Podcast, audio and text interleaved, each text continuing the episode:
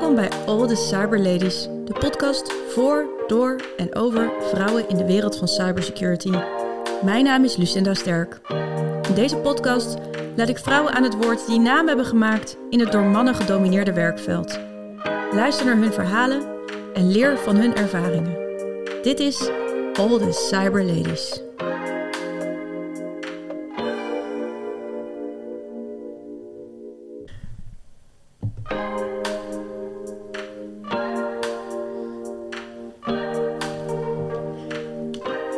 Cyberlady van deze week is Ioa Karels. Zij is CISO bij Kroon, Wolters en Dros. Een bedrijf dat innovatieve oplossingen bedenkt en uitvoert in de bouw- en installatiesector. Of in haar eigen woorden, we bouwen vitaal. Ioa heeft een indrukwekkende carrière met diverse security-rollen bij diverse bedrijven op haar naam staan. Waar komt die fascinatie met techniek vandaan en hoe ziet zij de toekomst voor zich? Welkom Ioa! Goedemorgen. Goedemorgen. Je wat dichter bij de microfoon Ja, eh, komen zitten. kijken. Dan kunnen we je allemaal goed horen. Want we zitten hier in een mega inspirerende ruimte in de One, eh, tijdens de One Conference. In een vrijwel lege zaal. Dus als je iets hoort galmen op de radio, dan weet je dat dat niet aan je apparatuur ligt, maar aan de, de zaal. De vrijwel lege zaal waar we hier We eh, gaan er gewoon wat We- gezelligs We gaan van er gewoon wat maken. gezelligs van maken samen, zeker. Nou ja, we zijn dus nu samen op de One Conference, security conferentie van de overheid en de gemeente Den Haag. En uh, Joa, hoeveel handen heb jij gisteren en vandaag geschud? Eh, ik denk heel veel en ik denk aan mijn stem ook wel te horen. Gewoon echt met heel veel mensen Ja, gepraat. Het is toch altijd wel een inspirerende omgeving waar je nieuwe mensen leert kennen, maar ook eh, heel veel oude bekenden tegenkomt om er daarmee bij te praten en te kijken wat iedereen nu doet en welke fascinerende gesprekken daaruit voortvloeien. ja. Maar mijn stem is daardoor iets eh, vervormd. Zo heerlijk schurende Heel eh, stem heb jij gekregen. Het is fantastisch. Daarom moeten we juist vandaag opnemen. Eh, de security community is natuurlijk echt een heel klein wereldje. En veel mensen kennen elkaar. Nou, je loopt ook al een aantal jaren rond. Ehm, zijn er mensen die jij specifiek zou willen benoemen, omdat ze veel voor je hebben betekend of betekenen? Ja, ik zit nu vanaf 2011 in dit wereldje. Dus dat zijn er eigenlijk best wel heel veel die iets voor mij betekend hebben. Of die ook gewoon voor mij iets uh, uh, waarvan ik veel geleerd heb. En ik denk dat dat zowel veel vrouwen zijn geweest als mannen. Ik denk dat ik, nou, om even een snel lijstje te maken. Ik ben begonnen doordat ik ben aangenomen door Erik de Jong. Ook wel echt iemand die veel mooie carrière binnen het cybersecurity wereldje heeft. En uh, dus ik ben hem altijd nog dankbaar dat hij me toen heeft aangenomen om na die genoter extra handjes te leveren. Uh, uh, ook vooral voor de toentijd nog dat Gossard Symposium dat hij toen heeft gevraagd om daarbij te helpen. Waardoor ik dit wereldje in ben gerold. Ik heb superveel van Jaya geleerd toen ik bij haar in het team. Jaya Balou, hè? Jaya Balou, ja. inderdaad. Voor haar in het team in strategie en beleid, strategie en beleid voor KPN heb gezeten. Um, ik denk altijd nog een shout-out naar mijn mede-Wix-oprichters. Uh, Anouk Vos en uh, Mary Jo van de Velde. En uh, um, ik denk vanuit het stukje waar ik meer de operationele techniek in ben gegaan... heb ik superveel geleerd vanuit Stedin en Joey Godefroy... die daar voor mij heeft betekend dat OT ook een security element moet hebben... Uh, dus ja, zeker deze mensen, maar vele hier die nog rondlopen ook nog wel. Maar in twaalf jaar tijd kan je die allemaal niet meer die opnoemen. kan je niet allemaal noemen, maar het is een heel mooi lijstje inderdaad, uh, wat jij noemt. Zowel mannen als vrouwen die veel van jou hebben betekend. Ja, je zei het net al, we zijn eigenlijk een beetje op de geboortegrond van jouw cybercarrière hier. Dat zo in het World Forum uh, congrescentrum in Den Haag. Wat, het begon voor jou allemaal in 2012. Nou, ja, Digi 2011? 2011 zelfs, ja, ja rond DigiNotar. Uh. Ja, ik ben uh, dus door Erik, volgens mij de week na DigiNotar, ben ik aangenomen om handjes te leveren. Uh, veel mensen waren heel lang en veel bezig geweest om DigiNotar op te lossen. Um, tegelijkertijd, volgens mij in de maand daarna, uh, zou het symposium van Gossert er zijn. Daar moest nog heel veel werk voor verricht worden. En daar heb ik uh, toen de tijd als een manetje van alles uh, geholpen bij het organiseren. Ik heb de dagen gestaan bij de sprekerspalie. Dus voor mij is de One Conference altijd toch weer het, het teruggaan naar de plek waar het ook allemaal begon. En, en was eigenlijk de voorloper van het NCSC. Precies, ja. Klopt. Ja. En uh, ja, dus dat is altijd weer een leuke plek om weer terug te komen en te beleven. En veel gedaan in die twaalf, twaalf jaar nu. Word ja. oud. ja, heel veel, ja. ja. En ook, uh, dat is wel interessant om te weten, we hebben op een gegeven moment ook vanuit uh, de Women in Cybersecurity, hebben we ook zijn begonnen bij de, de One Conference onder vooral ook motivatie van Ellie van Heuvel om een Women on Bij te organiseren. En als je dan kijkt, dat vind ik wel echt leuk om te benoemen, We hadden dat eerste ontbijt, ik vermoed 2012, uh, met 20 vrouwen. Er waren niet alle vrouwen die er waren, er waren er nog meer, maar 20 vrouwen die naar dat ontbijt kwamen. En als je nu rondkijkt hoeveel mensen er rondlopen en dat we een all-female keynote line-up hebben, dan vind ik dat wel heel leuk om te zien. Ja, er is veel gebeurd hè, in de jaren. Absoluut. Dat viel mij ook op deze, op deze conferentie, um, deze editie, dat er zoveel vrouwen rondlopen. Zowel in het publiek als, uh, als vrouwelijke sprekers. Dus uh, ja, echt uh, goed bezig zijn we Absoluut. met z'n allen. Zeker. Ehm, mijn vorige gast was Lieke Lamp. Die heb ik ook tijdens de conferentie opgenomen. En we hebben altijd een doorgeefvraag. En Lieke vroeg zich af, hoe zie jij het voor je... dat we als vrouwen in tech de plek aan tafel kunnen bemachtigen? En kunnen behouden. Dus hoe komen we aan tafel en, en behouden we die macht? Goeie vraag. Uh, lastig te beantwoorden ook wel. Maar ik denk uiteindelijk ook in de jaren wat ik gezien heb, wat we als vrouw uh, ook echt wel moeten kijken naar de, de, mogelijkheden die wij onszelf kunnen bieden. Dus uh, wees niet je eigen barrière. Zorg dat je zichtbaar bent. Ga op dat podium staan. Maar als je ook vindt dat je aan de beslistafel moet zitten, dan mag je daar met recht ook zitten. Ga dat niet zelf over twijfelen. En dat heb ik nog te vaak gezien in die, in die twaalf jaar dat ze zich afvragen. En misschien ook zelf wel eens afvragen als de imposter syndroom. Hoor ik hier wel te zitten? Nee, ja, ik hoor hier te zitten en ik heb een stem aan tafel. En vaak is dat nog iets waar we echt wel een, een drempel over moeten. Dus ik zou eerder zeggen, zorg, als je aan tafel moet zitten, dan zit je daar gewoon met recht. En moet je daar ook niet aan twijfelen. Nee. Gewoon doen. Gewoon doen. Ja, want het is vaak, hè, vrouwen twijfelen nog zo vaak aan zichzelf. Zo zonde. Nou ja, en, en soms is dat goed. Ik denk dat ook um, um, zorgen dat je kritisch blijft nadenken uh, wat er is. Ook bijvoorbeeld in beslismomenten uh, is dat een hele goede eigenschap. Die vrouwen ook hebben. Om te kijken, maak ik de juiste keuzes? Gisteren een presentatie van Jaya Baloo over ethics. Am I doing the right thing? Absoluut is dat, zijn dat goede vragen om te stellen. Maar ik denk dat het, als je het naar binnen keert, dan moet je veel meer zeggen: hey, ik hoor je ook aan tafel en ik heb ook een stem. Maar de kritische vragen, dat stemmetje, dat moeten we niet loslaten. Nee, dat moet ook gewoon blijven. Dus dat ja. is wel mooi dat wij dan die combinatie ook uh, kunnen, kunnen tentoonspreiden natuurlijk. Heb jij dan ook een doorgeefvraag voor de volgende Cyberlady, uh, Joa? Ja, daar heb ik wel even over na moeten denken. Omdat ik vind eigenlijk, de laatste vragen waren een beetje rondom wat zijn vrouwen en hoe kom je aan tafel? Of is het nog nodig dat vrouwen zich een beetje uh, met dit soort podcasts over afzonderen? Ik denk dat um, voor mij is het belangrijk dat we ons vrouwen ook laten zien dat we niet meer als vrouw identificeren alleen, maar ook dat we op de inhoud echt iets te zeggen hebben. Ook als je aan die beslistafel wil komen. Um, niet weten wie mijn volgende gast, de volgende gast is, zou ik eerder zeggen welke trends in cybersecurity zien we eigenlijk in de komende vijf jaar op ons afkomen? Um, en welke rol ga jij hier specifiek in spelen? Ja, dat is een mooie vraag. Dank je. Ja, ik ben heel benieuwd wie de volgende cyberleder wordt en hoe zij die uh, gaat beantwoorden. Um, ik wil even met jou gaan naar het CISO-schap. Want uh, jij bent een uh, CISO, Chief Information Security Officer. En ja. daar heb ik gelezen dat het de meest stressvolle beroep is in security. Oké. Okay. Uh, soms zit jij hier best wel ontspannen. Hoe ervaar jij dat stressniveau in deze functie? Um, niet wetende wat het stressniveau in andere functies zou zijn, heb ik geen idee. Uh, mijn achtergrond vanuit mijn studie is crisismanagement en um, informatiemanagement. Dus vandaar dat ik op die digitale veiligheid terecht ben gekomen. Uh, vanuit het crisismanagement gedachte. En ik denk vanuit die hoek hebben we heel vaak, nou ja, we hebben elkaar ook gezien op de, bij de NCTV. Um, word je ook wel getraind in hoe je met stress omgaat. Of wanneer je wel moet rennen, wanneer je op je handen kan zitten. Dus ik denk dat dat wel gewoon in mijn positie geholpen heeft in um, stressvrij blijven. En uh, heel vaak blijft de wereld ook nog wel ronddraaien. Ja, je kan ook wel gewoon dat een beetje wegmanagen door je ervaring bij andere functies. Dat, en ik denk vaak dat in, um, in cybersecurity moet je heel goed weten wanneer is echt iets heel belangrijk en wanneer moet je gaan rennen. Of moet je echt zorgen dat er besluit, besluiten worden genomen. En wanneer is het iets dat wel oké okay is. Of niet oké, okay, moet ik zeggen, maar wat wel gewoon een incident is. Die we op het operationele niveau... Een soort triage niveau moet je elke dag Absoluut. uitvoeren. Hè? Is er ja. wanneer uh, moet de patiënt, heeft hij onmiddellijk hulp nodig? Of kan het nog wel even wachten? Of kan die gewoon zelf naar huis? Ja. Absoluut. En ik denk dat de rol van CISO daarin wel is... dat je het hogere management goed moet begeleiden... in het nemen van beslissingen wanneer ze ook een beslissing moeten nemen. Of ook moet leren wanneer het operationele deel gewoon hun taak moet oppakken... en uh, moet kijken hoe ze gaan... Uh, ze gaan handelen en dat de, het management dan wel geïnformeerd blijft. En ik denk dat daar de communicatie-element van crisiscommunicatie daar heel belangrijk in is. Over en weer hoger management goed informeren. Uh, het operationele deel hun werk kunnen laten doen.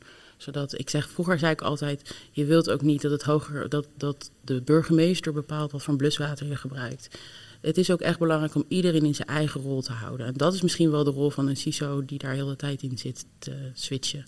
Ja, eigenlijk de, de linking pinnen tussen bestuur en uh, operationeel. Zie je dat zelf ook zo? Ja, en kunnen duiden. Ja. Dus crisiscommunicatie is daar heel belangrijk in. Ja. En incidentcommunicatie. Kunnen duiden wat er is. Zorgen dat ze weten welke impact er te, te doen is. Dat ze ook wel belangrijk is dat het, als er echt iets aan de hand is, dat ze weten dat er echt iets aan de hand is. Dus het is heel de tijd te duiden. Ja, dus eigenlijk is het ook een beetje een pleidooi voor de communicatieaspecten van de CISO, uh, voor een keer. of hele goede communicatie, mensen naast je erbij zetten om dat te kunnen helpen. Heb, heb jij dat nu in je functie? Of uh, doe jij het communicatiegedeelte waar je het nu over hebt, zeg maar, voornamelijk alleen? Nee, wij hebben een communicatieafdeling bij Kroonwolter en Dros. Die zijn uh, uh, ook gespecialiseerd in crisiscommunicatie. Dus ik schakel vooral met hun als het gaat om, uh, om incidenten. Nou hebben we die in mijn tijd nu niet gehad. Um, we gaan straks meedoen met oefeningen. Dan sluiten ze ook aan om te zorgen dat we dat element meenemen. Maar zij hebben bij en Dros een hele belangrijke rol in zowel het duiden en het uh, informeren daarover, maar ook in opschaling en dat soort zaken. Ja, en, en help jij ze daar dan ook bij in het uh, duiden van bijvoorbeeld security incidenten? Ja, waar we nu wel mee bezig zijn is om te zorgen dat zij ook weten wat is een security incident, waar sluiten zij dan op aan en nou, vandaar ook dat we in oefeningen met elkaar ja. gaan samen gaan optreden. Ja, heel belangrijk is dat. ja. Hey, en um, je hebt bij een aantal organisaties natuurlijk hiervoor gewerkt voordat je bij Kroonwolters en Dros uh, terecht kwam. Overheid en bedrijfsleven. Uh, waar, waar ligt je hart en waarom? Ik, ik, vond het, ik vind dat zo'n gemene vraag eigenlijk, want ik zit altijd een beetje in dubio. Kijk, aan dit bedrijfsleven um, zit je vaak ook wel echt op plekken waar je aan de knoppen zit. Dus waar je echt wel ook concreet iets kan betekenen, dingen kan doen. Um, waar het soms heel snel gaat, dus dat je dan ook wel echt moet weten wanneer je op die trein moet springen. Uh, dus dat is heel fijn. Tegelijkertijd, wat me altijd heeft getrokken binnen het overheidsleven, uh, is dat daar een stukje uh, maatschappelijk belanggevoel zit. Uh, die ook wel geldt. Dus ik denk dat het belangrijk is om die twee in welke functie dan ook te kunnen combineren. En dat zie ik in mijn huidige functie ook. Uiteindelijk, we bouwen vitaal, dus dat betekent dat wij ook onze rol kunnen pakken. Um, als het gaat om security en dus het maatschappelijke belang daarvan. Ja, die maatschappelijke verantwoordelijkheid uh, kunnen pakken. Dat zie je steeds meer bedrijven eigenlijk uh, doen, hè? Absoluut. Ja. ja. Hey, en waar, waar komt die fascinatie met uh, techniek vandaan? Is dat de jonge Ioa die al, uh, die al computers uit elkaar te sleutelen was of zo? Of uh, nee, ik was fiets in elkaar kon zetten? Ik was totaal geen techniek meisje. Ik was wel altijd het meisje dat in een jongenswereld zat. Dus de, de, meer de boomhutten en veel, heel lang gevoetbald. al vanaf hele jonge leeftijd. Toen het nog niet zo populair was. Maar dat was hartstikke leuk.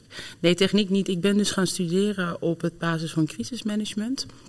Um, um, dat was nadat ik op mijn HBO uh, verdwaalde studie in de re Europees recht had gedaan. En dat vind ik nog steeds grappig. Maar ik wilde iets anders, dus crisismanagement gaan doen. Um, daarna nog een studie uh, informatiemanagement. En toen is er uh, een heel klein artikeltje geweest in, in de krant over uh, het aanvallen van uh, toen de tijd de DNS-servers.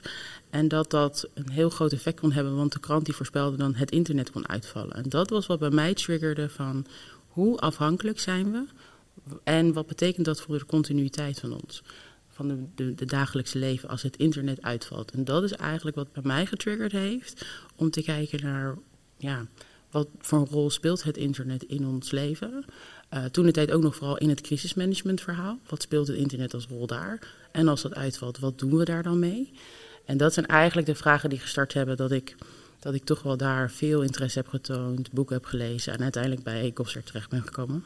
Ja, ja wel mooi hè? dat er één, één artikel eigenlijk in een krant jou ertoe kan aanzetten om die denkrichting uh, in te gaan. Ja, en echt om, voor het beeld, het was echt een artikeltje van 20 regels, uh, eh, 2 centimeter bij uh, 5 centimeter in de zijlijn van, uh, van een, een papieren krant.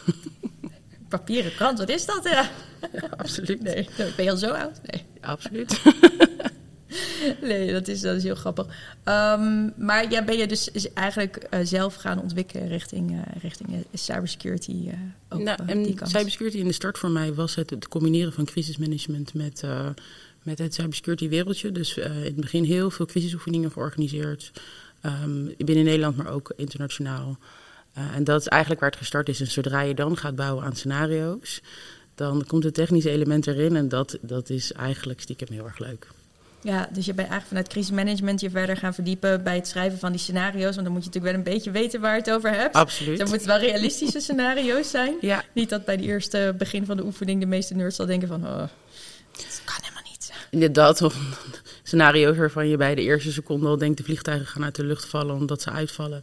Dat is helemaal niet realistisch. Nee. Uh, en dus de uitdaging is altijd om het meest realistische scenario te nemen... waarin iedereen zich veilig voelt...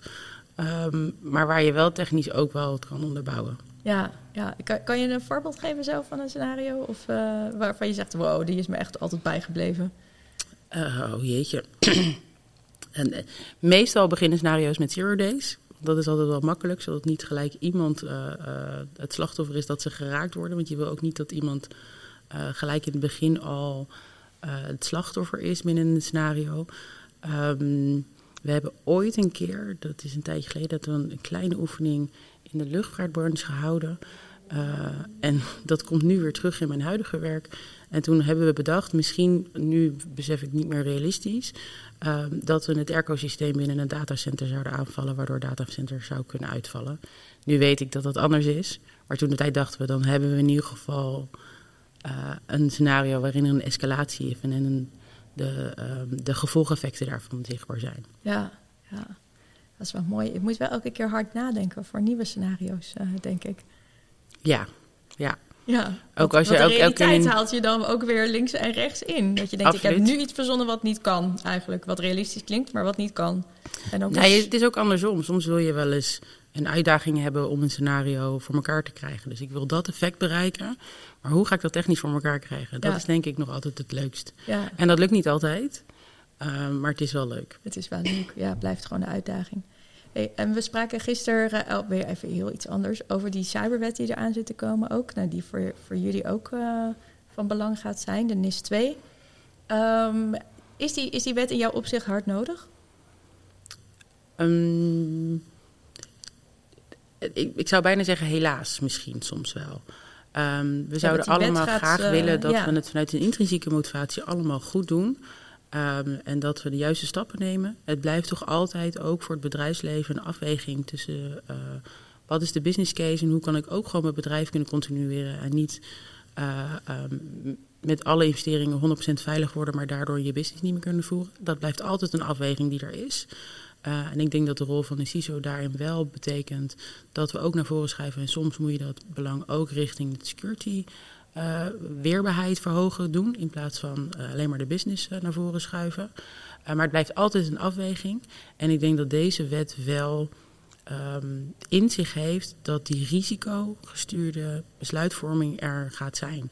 En niet alleen maar voor dat kleine groepje, nou klein, het groepje vitaal dat we in NIS 1 hadden en de WBNI 1.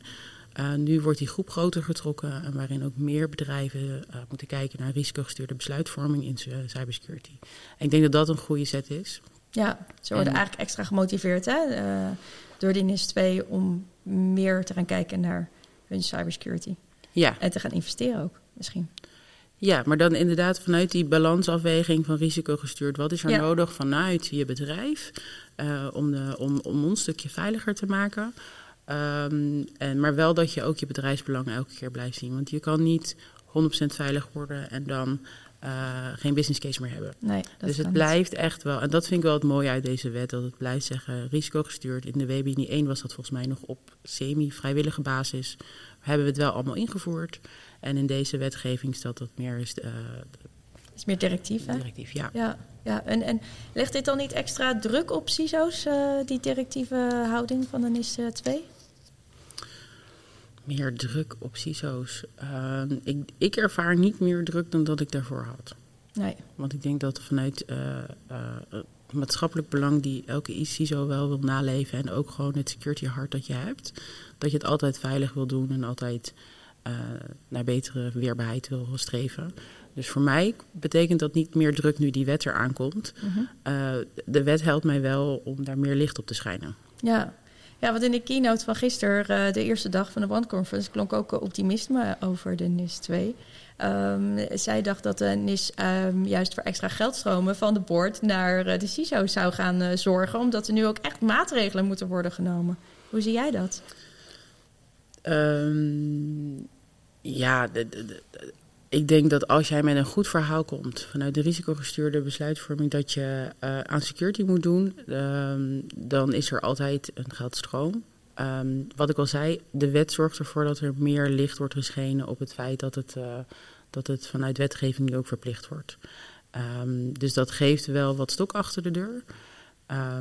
maar ja, of dat heel erg, wat, wat dat effect gaat zijn, dat ben ik ook wel nieuwsgierig naar. Ja, ja, ik ben heel benieuwd. Volgend jaar gaat hij van, komt ja. van kracht. Dus. Oktober 2024 volgens mij. Ja, als we het gaan halen.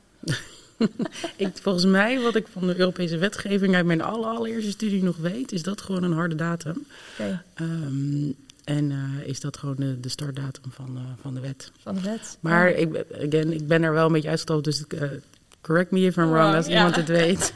Het zou ons wat meer we, tijd we, geven. We gieten het niet in beton uh, in deze podcast, uh, dus geen zorgen. Um, en, en, en, hoe zie jij dan die toekomst voor je? Gaat vanaf uh, de eventuele datum van oktober Nederland dan echt veiliger worden? Met behulp van die NIS 2? Dan zijn er denk ik heel veel meer bedrijven die er extra aandacht aan gaan geven. En dat is altijd goed. Ja, dat is wel echt nodig, hè? Ja. ja. Um, en nog even, even terug naar, uh, naar jouw begin hè, bij de One uh, Conference. Want we komen een beetje aan het einde van deze, de, deze podcast. Zijn er nog uh, praatjes die jou hebben geïnspireerd, deze, de, deze editie? Of ga je nog ergens kijken zo dadelijk? Nee. Ik ben net al even Jaya. Ja, Jay heb ik gezien ja. inderdaad. Dat vond ik weer erg leuk, want die had ik al een tijdje niet gezien. Maar ook gewoon een goed verhaal over ethics en welke dilemma's daaruit voorkomen. Dus dat vond ik een heel mooi verhaal. Um, er zijn wat uh, presentaties die ook gedaan worden rondom nieuwe wetgeving. Niet alleen de NIS 2, maar we krijgen straks ook te maken met de Cyber Resilience Act. En ik denk in sommige oppervlakte dat die nog wel meer impact gaat hebben. Um, en dus ik ben heel benieuwd naar dat, dat soort praatjes. Wat is de toekomst daarvan? Die, zijn, die wet is nog vol in ontwikkeling. En uh, um, ja, dat is wel iets waar ik heel erg graag vinger aan de pols wil houden... om te kijken wat dat voor ons betekent. En... Verder is heel veel handjes nog schudden. Heel veel Misschien wat nog. minder praten. Heel veel thee drinken. En thee drinken erbij, inderdaad. Ja, heel goed. Hey, en we sluiten altijd af met uh, tips aan dames die nu een carrière overwegen in security. Of in de techniek in zijn algemeenheid, mag natuurlijk ook. Er zijn dames die luisteren naar de podcast en denken... yes, ik wil eigenlijk ook gewoon wel CISO worden... of, of iets gaan doen in cybersecurity. Welke tips zou jij ze willen Welke geven? tips? Um... Nou, wat ik zelf misschien, misschien niet eens een tip aan de dame die die, die, die uh, carrière uh, overweegt, maar um, ik denk de ouders van de dames die dat in de toekomst gaan overwegen om de techniek in te gaan. Ik zie het zelf, ik heb een dochter en ik denk dat het vooral gaat om zorgen dat ze ook het enthousiasme voor de techniek kunnen krijgen vanaf jongs af aan. Ik denk dat dat zie ik zelf bij mijn dochter, hoe leuk ze het vindt. En toen ze nog heel jong was en ook bij steden of met mijn collega's sprak, dat ze haar stroomdiploma wilde halen, zodat ze een stroomhuisje in kon. Ja, dat stimuleren en zorgen dat ze daar ook het enthousiasme blijven houden. En ook gestimuleerd in worden. Ik denk dat dat een hele goede tip is voor alle ouders. Niet alleen moeders, maar ook alle ouders. Alle ouders, heel goed. hey, dankjewel Joa. Graag gedaan.